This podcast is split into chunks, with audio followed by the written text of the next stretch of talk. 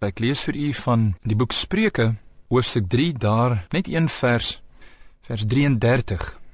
Die vloek van die Here is in die huis van die goddelose, maar hy seën die woning van die regverdiges.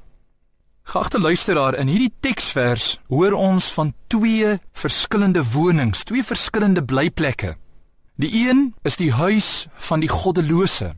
In die woord van die Here weet ons dat die goddelose persoon, daardie mens wat niks van God wil weet nie, niks van God se wil vir sy lewe wil hoor nie.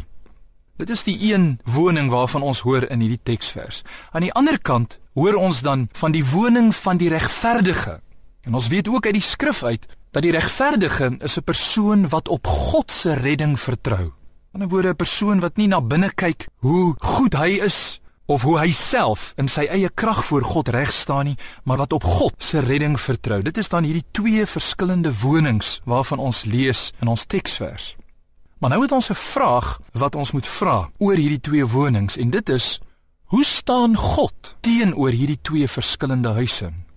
En die teksvers wat ons gelees het vanoggend is baie duidelik oor hoe God teenoor hierdie twee huise staan. Die huis van die goddelose van hierdie huis lees ons dat die vloek van die Here in die huis van die goddelose is. Dit beteken dat daardie persoon wat volhard in ongeloof, daardie persoon wat aanhou in sy of haar sonde, dat God vir daardie persoon 'n vyand is. Hy is teen daardie persoon. Dit is wat die woord van die Here hier sê.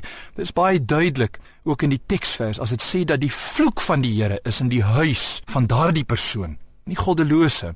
Maar dan pragtig in ons gedeelte word hierdie vers in die middel gedeel as dit sê maar sy seun is in die woning van die regverdiges. Wie is die regverdiges? Die regverdiges is die wat hoop op die regverdiging van God. En die skrif uit weet ons dit is die wat vertrou op die Here Jesus Christus.